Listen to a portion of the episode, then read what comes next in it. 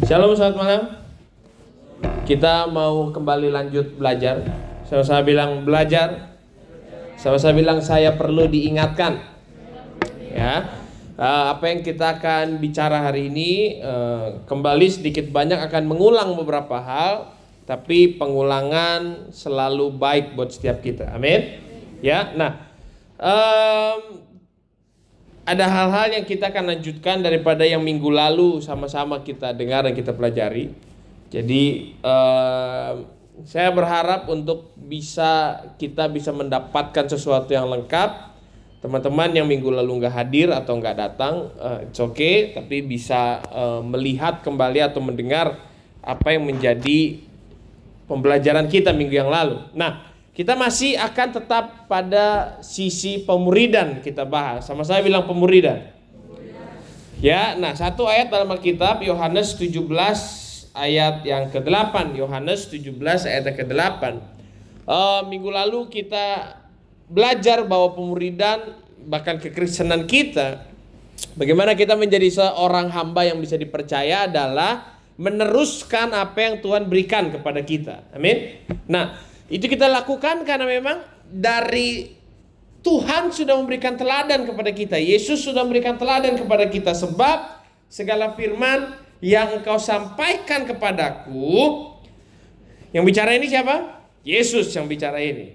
Segala firman yang engkau sampaikan kepadaku telah kusampaikan kepada mereka dan mereka telah menerimanya. Jadi Yesus pun melakukan itu.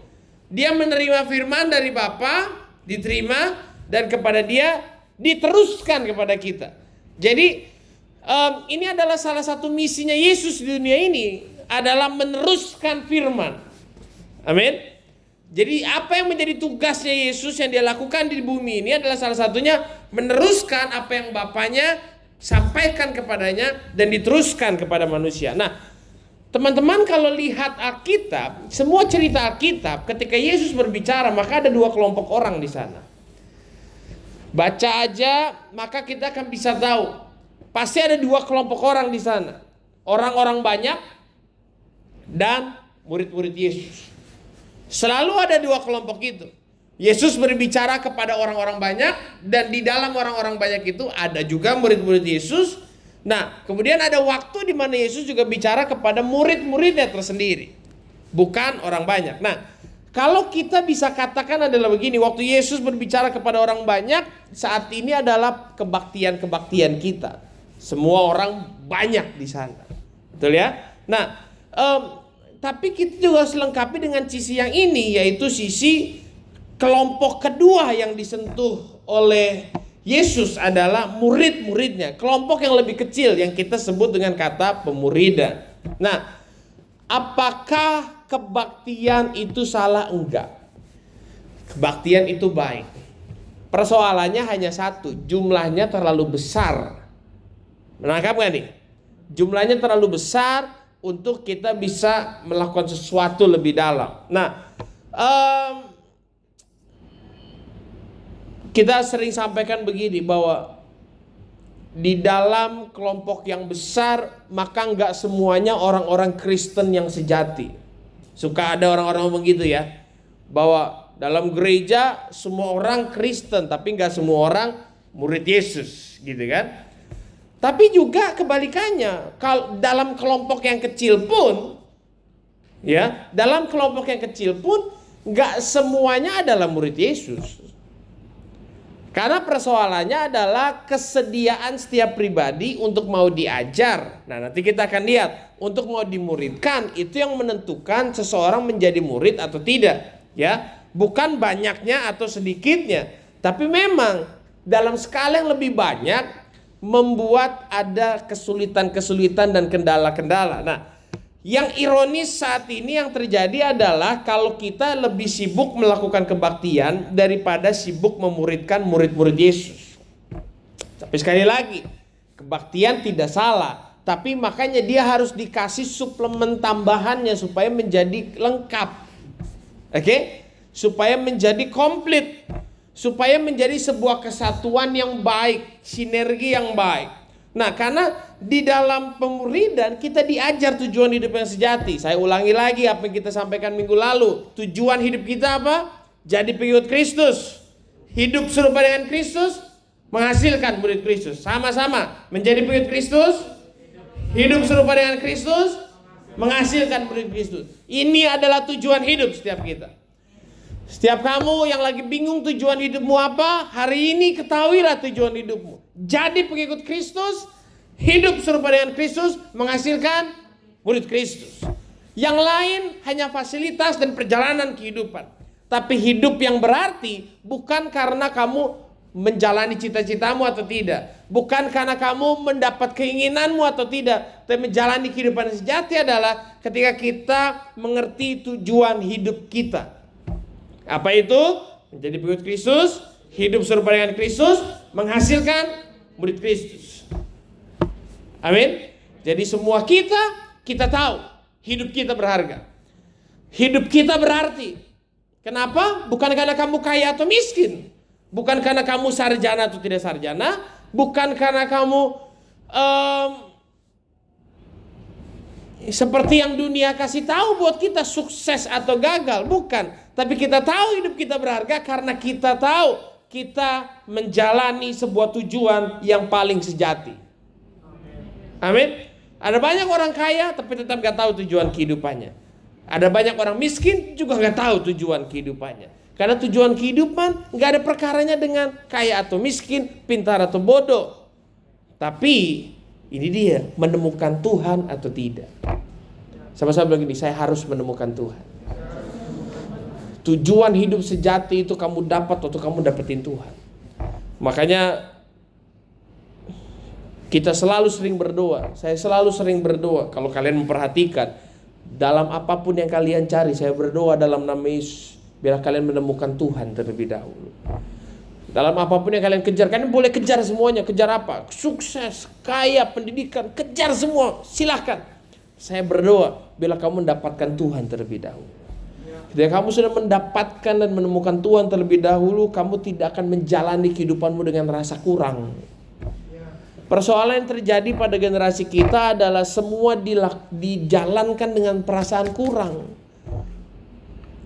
Harusnya kita menjalankan gak dengan perasaan kurang, tapi dengan perasaan cukup. Sehingga gak ada beban. Kamu gak akan kehilangan sukacita, kamu gak akan kehilangan kebahagiaan bersama dengan Tuhan. Oke? Okay?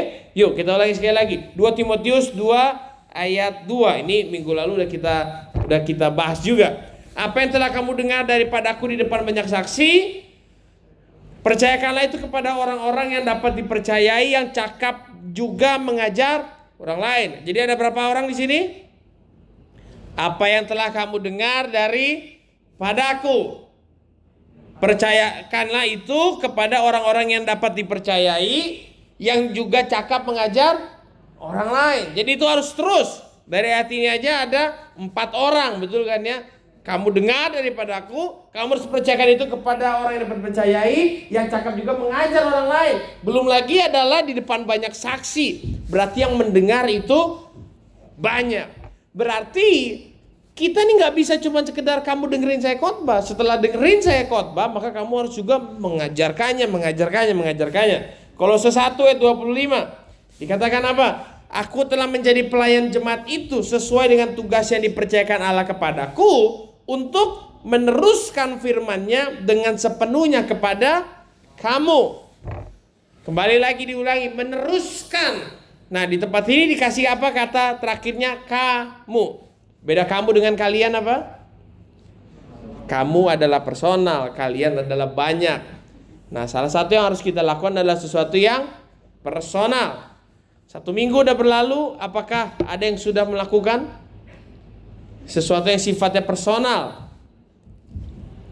WA orang secara pribadi, personal, video call, telepon, ngobrol.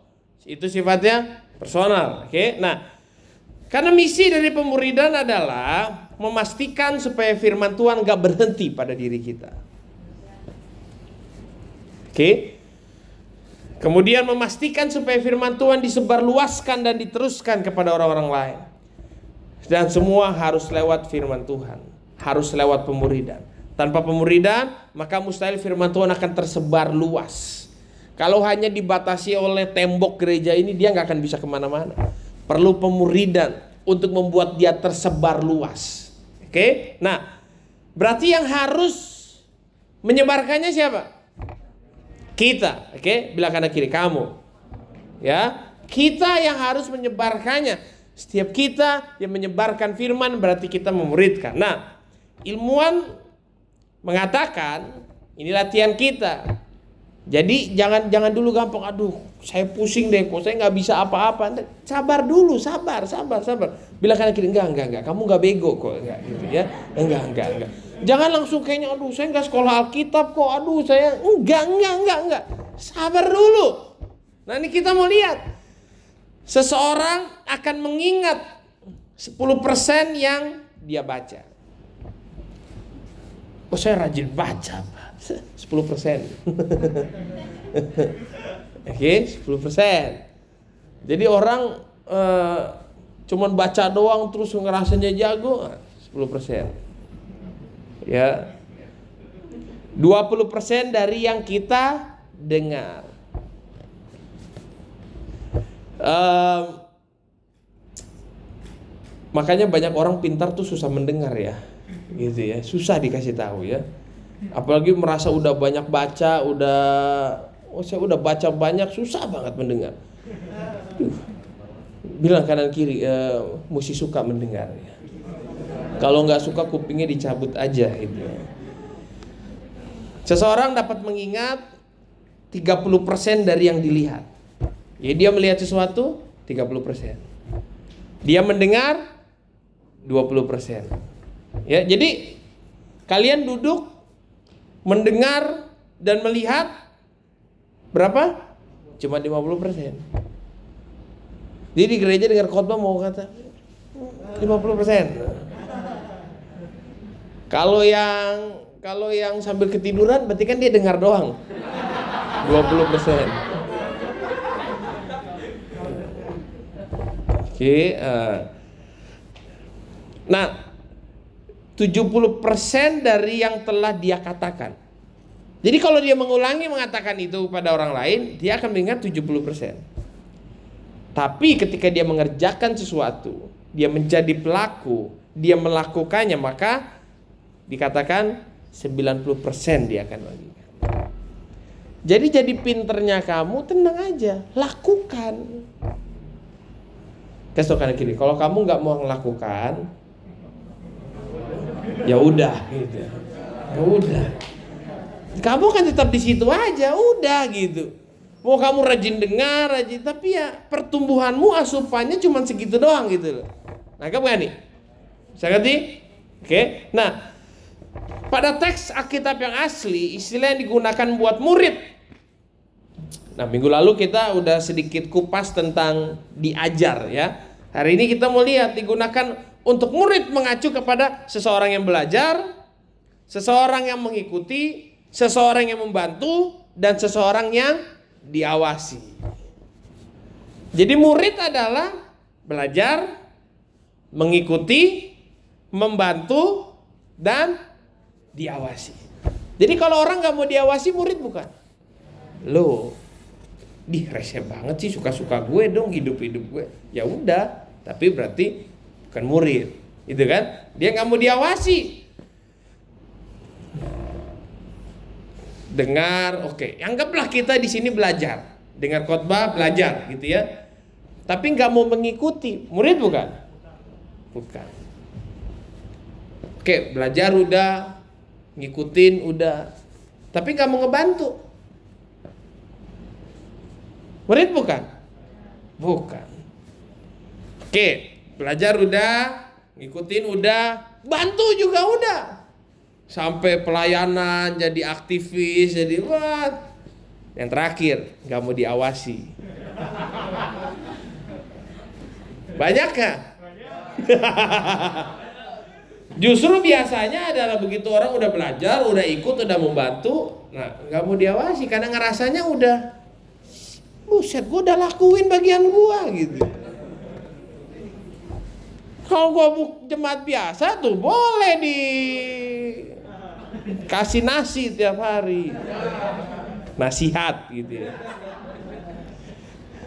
Jadi nggak bisa. Murid itu mesti komplit paketnya.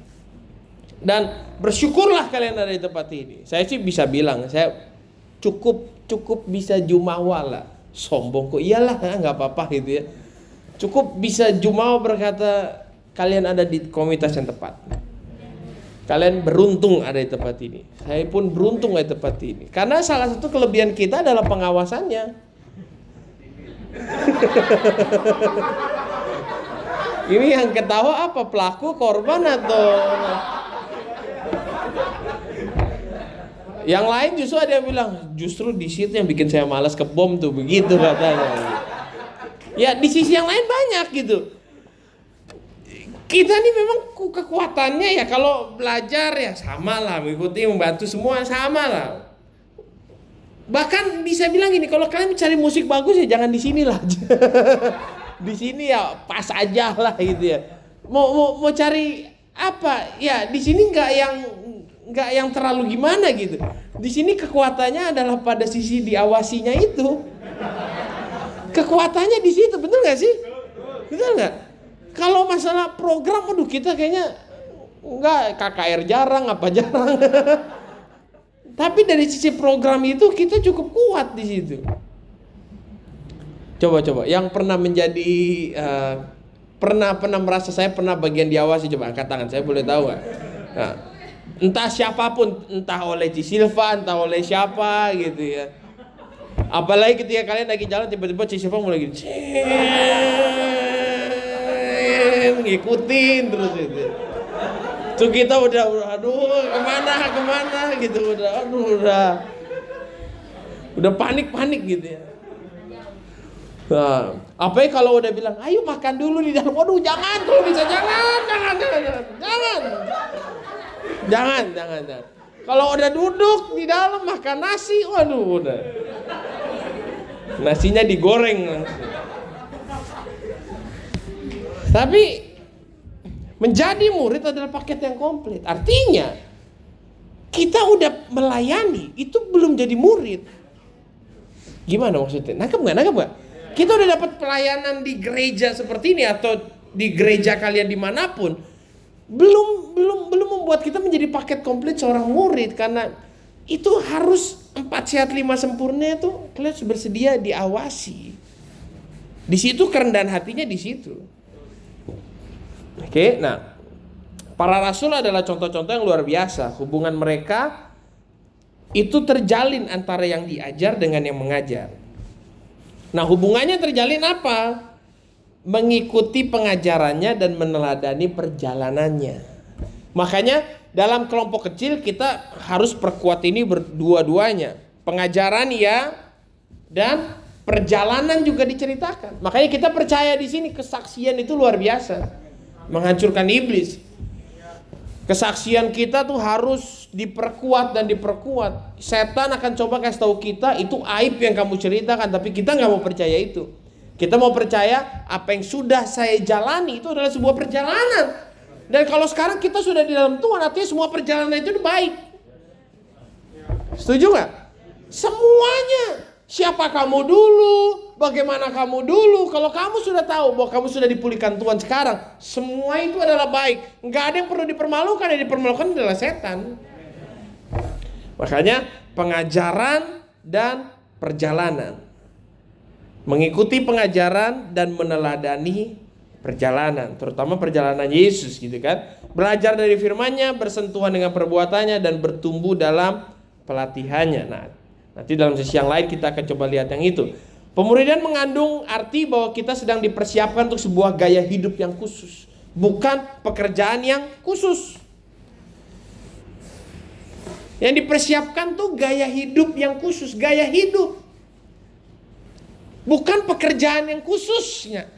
Bukan kamu akan dipakai Tuhan ke bangsa-bangsa, ke luar negeri, khotbah. Bukan, itu itu pekerjaan khusus. Tapi memuridkan adalah gaya hidup yang khusus di mana kita ngeliat orang itu udah menjadi gayanya kita lalu kita nggak tahan untuk mendekati dia, ngobrol, berbuat baik, ceritain tentang Yesus, cerita kesaksian, itu udah jadi gaya hidup kita. Dan ini pelatihan dan latihan yang sengaja dari orang-orang yang secara sukarela menyerahkan dirinya kepada tujuan hidup yang sejati. Jadi orang kalau udah sukarela menyerahkan dirinya kepada tujuan hidup yang sejati, yaitu gaya hidupnya jadi diubah. Apa pun yang kamu lakuin, di mana pun kamu lakuin, gaya hidup itu nggak berubah. Apalagi kalau tujuan hidup kita udah terus jelas. Saya ini pengikut Kristus, hidup seperti Kristus, menghasilkan murid Kristus. Contoh sederhana. Tadi pagi siang saya uh, dan istri saya dan juga ya um, Marito tadinya rencananya cuma nganter papa mama mertua saya vaksin di Pemda sana. Begitu vaksin, tapi kan lansianya banyak. Nah kita nih udah nggak bisa ngelihat orang susah tuh kita kan orang baik betul nggak sih Orang baik adalah ngelihat orang susah di jangan dikasihani, ditolong. Kasihan ya. Tapi lu nggak tolong, itu sama aja. Bilang kanan kiri, goblok jangan kebangetan gitu. Lihat tuh, kasihan ya. Enggak, udah ringan tangan aja, tolong. Kita jadi nolong orang, opa oma naik tangga, turun tangga, saya ngangkat-ngangkat kursi roda. Sampai bahkan um, jadi orang-orang yang tensinya tinggi nggak bisa divaksin, mesti rendah dulu tensinya. Dan ada orang-orang yang tensinya nggak rendah-rendah. Udah, itu istri saya inisiatif, langsung telepon anak-anak suruh ambil obat darah tinggi, udah di sana jadi sinterklas dia. Udah kayak bagi-bagi narkoba gitu. Kan itu pil kecil gitu kan, kayak ekstasi gitu ya. Begitu orang udah makan itu semua mau udah tenang, langsung tensinya turun. Itu kita tadinya mau pulang cepet jadi nggak bisa pulang cepet karena oma yang satu teriak silpa silpa silpa silpa semua sampai disangka kita udah panitia panitia vaksin udah gitu.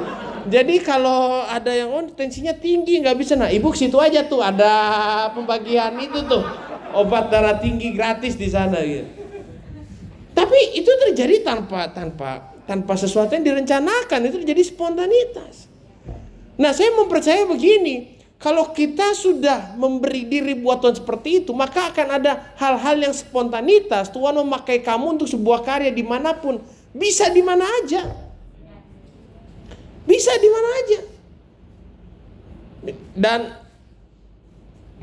hanya diperlukan orang-orang yang mau bersedia, ya kan, untuk capek. Yang lain Orang situ banyak yang sehat banyak. Saya yakin juga yang di kantongnya punya obat darah tinggi juga banyak. Tapi persoalannya adalah ada nggak orang-orang yang mau berpikir saya mesti melakukan sesuatu dan dituntun oleh gerakan Roh Kudus. Lebih banyak orang yang kasihan ya tensinya tinggi, nggak bisa divaksin dulu, kasihan, kasihan. Udah kasihan doang gitu Bisa bisa nangkep ini kan? Saya nangkep ini kan? Jadi kalau kita menjadi orang yang suka rela menyerahkan diri kepada Tuhan, maka itu kita dipersiapkan untuk sebuah gaya hidup. Gaya hidup yang khusus. Nah ini nggak bisa dipalsukan. Oh kalau cuma pekerjaan yang khusus, kamu bisa akan ber apa? Berakting, ngeset semua untuk melakukan pekerjaan itu setelahnya selesai gitu. Tapi kalau ini gaya hidup, maka apa pun pekerjaannya kamu akan tetap jadi seperti itu, nggak berubah. Oke? Okay? Menyerahkan diri artinya apa? Menjadi peniru Tuhan dalam setiap pikiran, dalam setiap perkataan, dalam setiap perbuatan. Jadi peniru Tuhan. Tuhan itu baik. Ya udah jadilah orang baik, pikirannya baik, perkataannya baik, perbuatannya baik. Yang Alkitab catat apa? Tuhan itu menyembuhkan orang sakit. Ya udah. Mungkin kita nggak bisa sembuhkan orang apa, punya obat kasih, punya kata-kata yang baik kasih gitu kan? Bisa ikuti sampai sini? Menjadi peniru Tuhan, peniru Tuhan. Sama saya bilang peniru Tuhan. Peniru Tuhan. Pikiran, perkataan, perbuatan harus meniru Tuhan. Tuhan bukan manusia. Meskipun akan terjadi kemiripan antara yang dimuridkan dengan yang memuridkan. Biasanya mau ikut-ikutan nyamain atau terimpartasi apa, it's okay. Tapi bukan harus jadi seperti itu. Setuju dan sepakat? Ya. Kalau kamu jadi berbeda, Enggak salah. Yang penting peniru Tuhan. Ya, oke. Nah, seorang murid diubahkan menjadi sama seperti Kristus.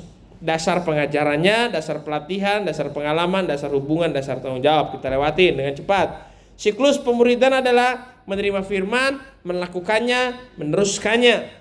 Ingatlah bahwa kita nggak bisa memuridkan orang lain melebihi batas kapasitas kita. Nggak bisa. Oleh sebab itu kita perlu melakukannya terlebih dahulu sebelum dapat meneruskannya. Jadi ini bukan hebat-hebatan pinter-pinteran. Enggak. Tapi kapasitas kerohanian kita. Bukan pendidikan di sini ya. Kau boleh nggak lulus sekolah, tapi kamu tetap bisa memuridkan orang-orang yang di atas. Bisa, sangat bisa. Karena kapasitas di sini adalah kapasitas yang tadi tuh, pengajaran kamu, pelatihan kamu, pengalaman kamu, hubungan kamu, tanggung jawab. Kalau kamu memperbesar kapasitas ini, kamu akan terus bisa menampung banyak orang. Pengajaran, pelatihan, pengalaman, hubungan, tanggung jawab. Saya rasa ini boleh nanti dalam kelompok kecil di di bedah lagi satu-satu. Pengajaran, pelatihan, pengalaman, hubungan, tanggung jawab. Kita perlu melakukannya lebih dahulu sebelum kita bisa meneruskannya. Lakukan. Makanya ap, apa pun yang kita bagikan harus punya prinsip gini, saya harus melakukan lebih dulu baru memperkatakannya. Saya setiap kali berkhotbah, saya memastikan bahwa yang saya ceritakan, yang saya bagikan adalah sesuatu yang sudah saya hidupi.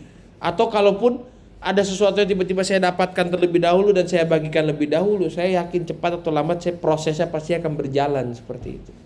Tapi kita akan terus selaras sehingga itu menjadi hidup.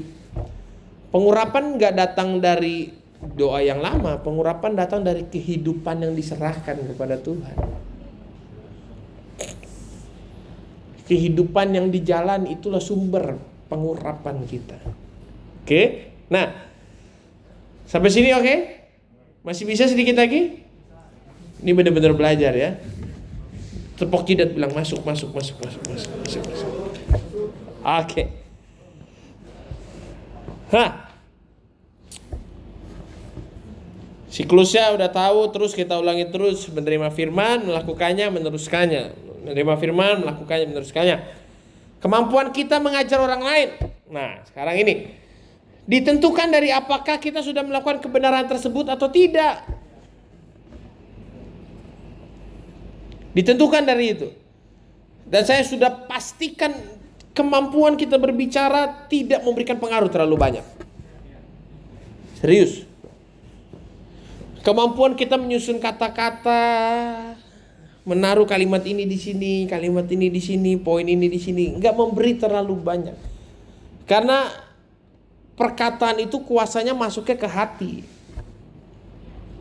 Nah, jadi memang dia harus dilepaskan dengan apa? Dengan sesuatu yang udah kita lakukan. Ketika kita melakukan itu, maka bukan kata-katanya yang bagus, tapi begini, kebenaran itu menjadi hidup dalam kita. Sehingga yang kita lepaskan adalah sesuatu yang hidup. Percayakah kalian ketika kalian melepaskan sesuatu yang kalian lepaskan adalah sesuatu yang hidup? Artinya, meskipun cara kamu melepaskannya mungkin kurang tepat, membingungkan, tapi ketika dia nyampe kepada seseorang, itu langsung hidup di dalam dia, kayak virus gitu loh. Kayak virus itu.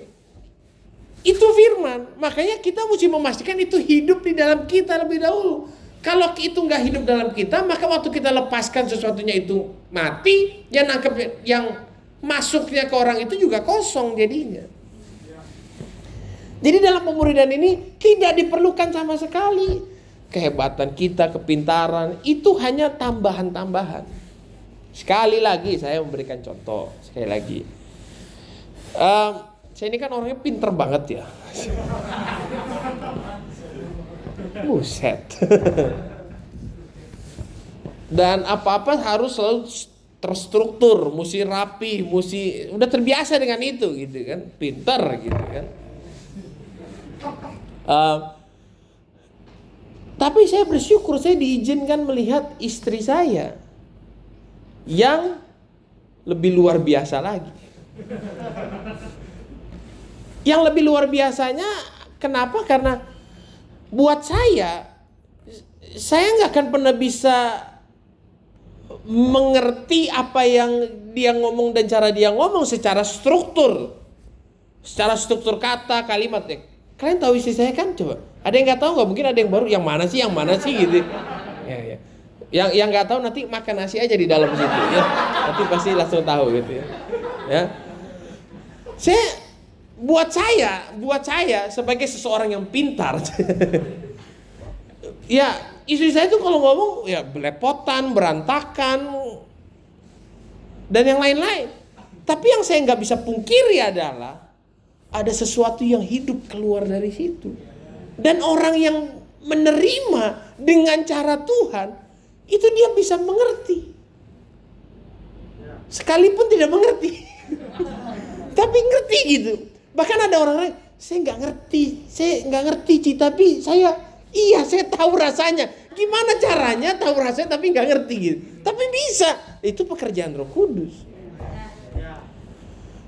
Daripada kamu berusaha untuk uh, uh, tapi nggak keluar keluar, keluarin aja udah jebret gitu. Percayalah firman itu hidup karena kuasa Tuhan. Bagaimanapun keterbatasan kita mengeluarkannya, itu persoalan nanti. Saya sudah pernah melihat, bahkan dalam waktu dekat ini, istri saya ngomong dua jam setengah, dan orang-orang tuh selalu Buset gua khotbah 40 menit aja orang udah ngantuk-ngantuk. Ini dua jam setengah ngomong nggak pakai berhenti. Orang tuh bisa tetap ngikutin. Ah, ah, ah. Apalagi kalau bukan roh kudus so, begitu. Coba yang dan setelah itu saya coba tanya-tanya satu dua orang. Lu emang ngedengerin dua jam setengah? Dengerin? Ngerti? Nggak berasa kok. Wah entah memang gak berasa atau memang penjilat aja dia kan gak mungkin juga berani ngomong ah gue juga udah ngantuk sebetulnya aku kan gak berani juga ngomong gitu kan tapi nggak tahu dah gitu ya tapi kalau saya memperhatikan dari situasinya memang semua bisa nikmatin gitu itu roh kudus saya disuruh ngomong kayak gitu dua jam setengah ya waduh nggak bisa jadi maupun saya pintar, tapi saya nggak hebat. Orang hebat nggak perlu pintar. Karena semua berarti pekerjaan Roh Kudus. Ya, coba bilang kanan kiri jangan sok pintar pokoknya.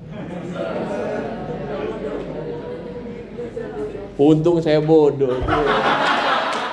Eh, yang pintar aja hebat. Apalagi yang, aduh, apa lagi ya ya udahlah.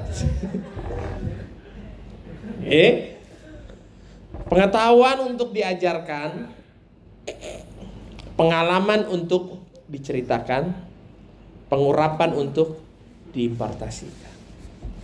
Itu yang kita percaya kita lakukan.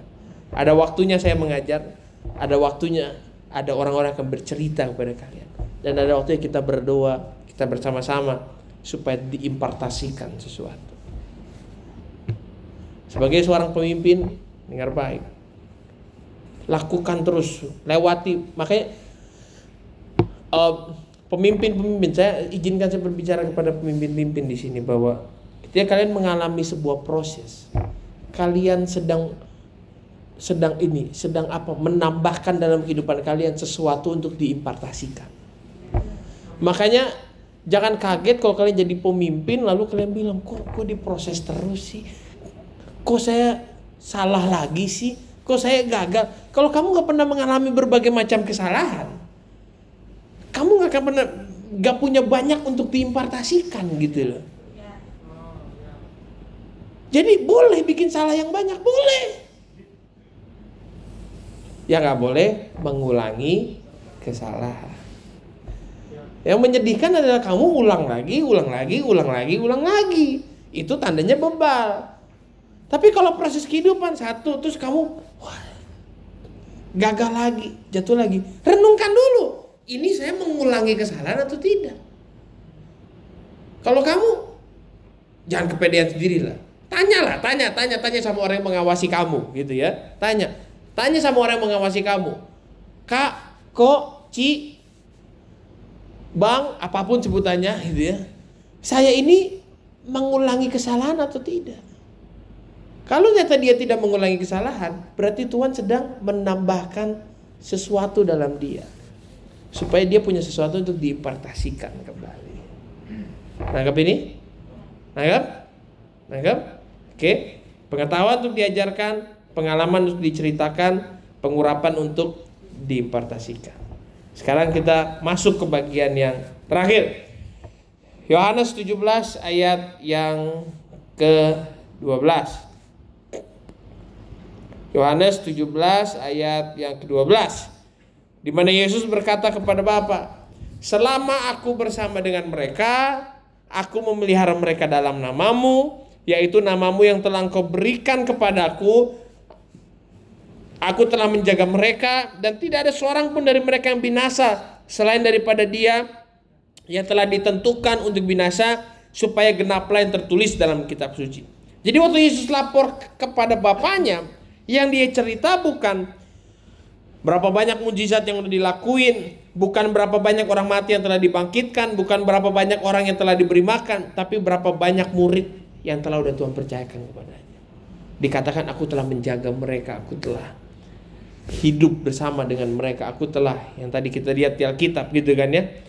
Aku telah memelihara mereka, menjaga mereka sehingga semua mereka menggenapi semua yang tertulis dalam kitab suci. Itu. Dan semua yang dilakukan buat orang lain adalah sepadan.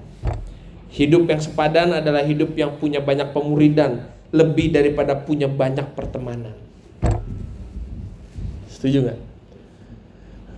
Makanya jangan kalah kalau orang bilang ah lu gara-gara pemuridan jadi nggak punya temen ya ya udah. Kadang-kala untuk membuat hidup berkualitas circle kita akan berubah. Dulu waktu kamu nakal, kamu akan berkata begini, ih so rohani banget. Maka orang yang rohani menjadi circle paling luar kamu kan. Itu menjadi musuh kamu. Betul nggak? Baru dideketin lari, baru mau disalamin kabur. Ya Ci sibuk Ci sibuk Ci. Ya duluan duluan duluan, tapi begitu kamu mulai bertumbuh dalam Tuhan circle-nya berubah kan? Circle-nya berubah. Makanya mempunyai banyak pemuridan lebih sepadan daripada mempunyai banyak pertemanan. Kenapa? Karena panggilan pemuridan adalah panggilan untuk terus bertumbuh. Entah kita sebagai yang dimuridkan atau sebagai memuridkan dua-duanya bertumbuh karena sebagai yang dimuridkan, ya pasti kita belajar, kita makan sesuatu, kita dilatih, kita bertumbuh. Sebagai memuridkan, ya kamu kan harus terus mendapatkan dari Tuhan. Kamu harus terus menghidupi, kamu harus terus melakukan sesuatu, maka kamu bertumbuh. Jadi dua-dua bertumbuh. Siapa yang kamu dimuridkan gak bertumbuh, siapa yang kamu memuridkan gak bertumbuh. Tapi kalau dua-dua berjalan, pertumbuhanmu pesat sekali. Oke? Okay? Uh, Kemudian pertumbuhan kita menentukan efektifnya kita, efisiensinya kita, baik dalam hal pemuridan ataupun dalam hal kehidupan. Bertumbuh terus saja. Nanti excellent itu akan terjadi pada kamu. Waktu kamu melakukan sesuatu berulang, berulang, berulang, berulang, berulang. Gak ada yang instan langsung bisa, enggak. Semua belajar, belajar dari jelek, jadi agak jelek, jadi nggak terlalu jelek, Ya terus bertumbuh. Terus sampai nanti akhirnya ya tetap jelek tapi ya udah gitu ya. Nah, kalau nanti kita bilang sampai nanti kamu jadi bagus sempurna, nanti bilang sombong gitu kan. Selama kita tetap merasa jelek kan karena kita tetap perlu kasih karunia Tuhan gitu ya. ya, hmm, pendeta jago aja kalau ngomong gitu ya. Oke. Okay. Tempat pemuridan yang terbaik adalah komunitas yang kecil. Kita udah mulai jalan di sini kan ya, kelompok-kelompok kecilnya ya. Terus berjalan ya. Uh, Matius 10 ayat 24 dikatakan seorang murid gak lebih daripada gurunya atau seorang hamba daripada tuannya. Semua bersama-sama. Makanya dalam kelompok yang kecil itu semua bisa bersama-sama. Sama rata, sama semua, gak ada yang lebih tinggi, gak ada yang lebih rendah. Kelompok kecil apa? Tidak terlalu banyak, tidak terlalu sedikit. Kemudian uh, firman Tuhan seperti pedang bermata banyak. Kenapa dalam kelompok kecil seperti nanti kamu lagi menasihati satu orang, tapi sangat mungkin orang lain yang mendengarkannya mengalami Tuhan berbicara kepadanya juga. Kelompok kecil. Ya, pertemuan rutin dalam komunitas menolong kita memantau perkembangan seseorang. Kalau terlalu besar seperti ini kan sulit. Betul kan? Sulit. Paling yang bisa kelihatan cuma yang tidur atau enggak gitu ya. Bilang kiri, kelihatan dari depan, kelihatan colek colek colek. Bilang, kelihatan dari depan, kelihatan gitu ya. Tapi kalau dalam kelompok kecil lebih daripada dia tidur gitu. Lebih, semua bisa lebih kelihatan dan lebih ketahuan. Mungkin sesekali boleh kumpulin handphone, dicek handphone semua satu-satu gitu ya. Sa. Eh, saling berbagi cerita dan kesaksian akan menjadi kekuatan serta inspirasi anggota komunitas yang lain untuk mengalaminya. Bisa antara dua ini kesaksianmu menguatkan seseorang, menginspirasi seseorang. Ah, yang lagi dalam persoalan masalahnya, aduh, dia dikuatkan. Kalau dia bisa ngalamin, saya juga bisa. Menginspirasi juga. Ya, Saling bergesekan adalah cara Tuhan menyentuh pribadi kita, membentuk karakter dan melepaskan ego kita. Cara saling berge bergesekan. Cara Tuhan menyentuh pribadi kita. Jadi yang di kelompok-kelompok kecilnya ada konflik, saling ngambek, saling marah. Puji Tuhan. Berarti itu tepat. Kalau orang, oh kalau di kelompok kami kan semua baik. Kita nih, aduh, Berarti nggak sehat itu, nggak sehat, nggak sehat. Perlu dimasukkan seseorang yang ini, sehingga karakternya terbentuk, egonya terlepas. Saya kalau semuanya kayak mm, banget gitu kan, berarti egonya saya diiyain sama yang lain dong. Jadi semua kita cuman saling ngerti nggak? Tapi kalau saya sukanya begini, itu saya kalah. Wah kan itu melepas ke ego kan? Untuk nah membentuk karakter juga dan yang lain. Nah, itu yang sehat dalam sebuah komunitas. Oke.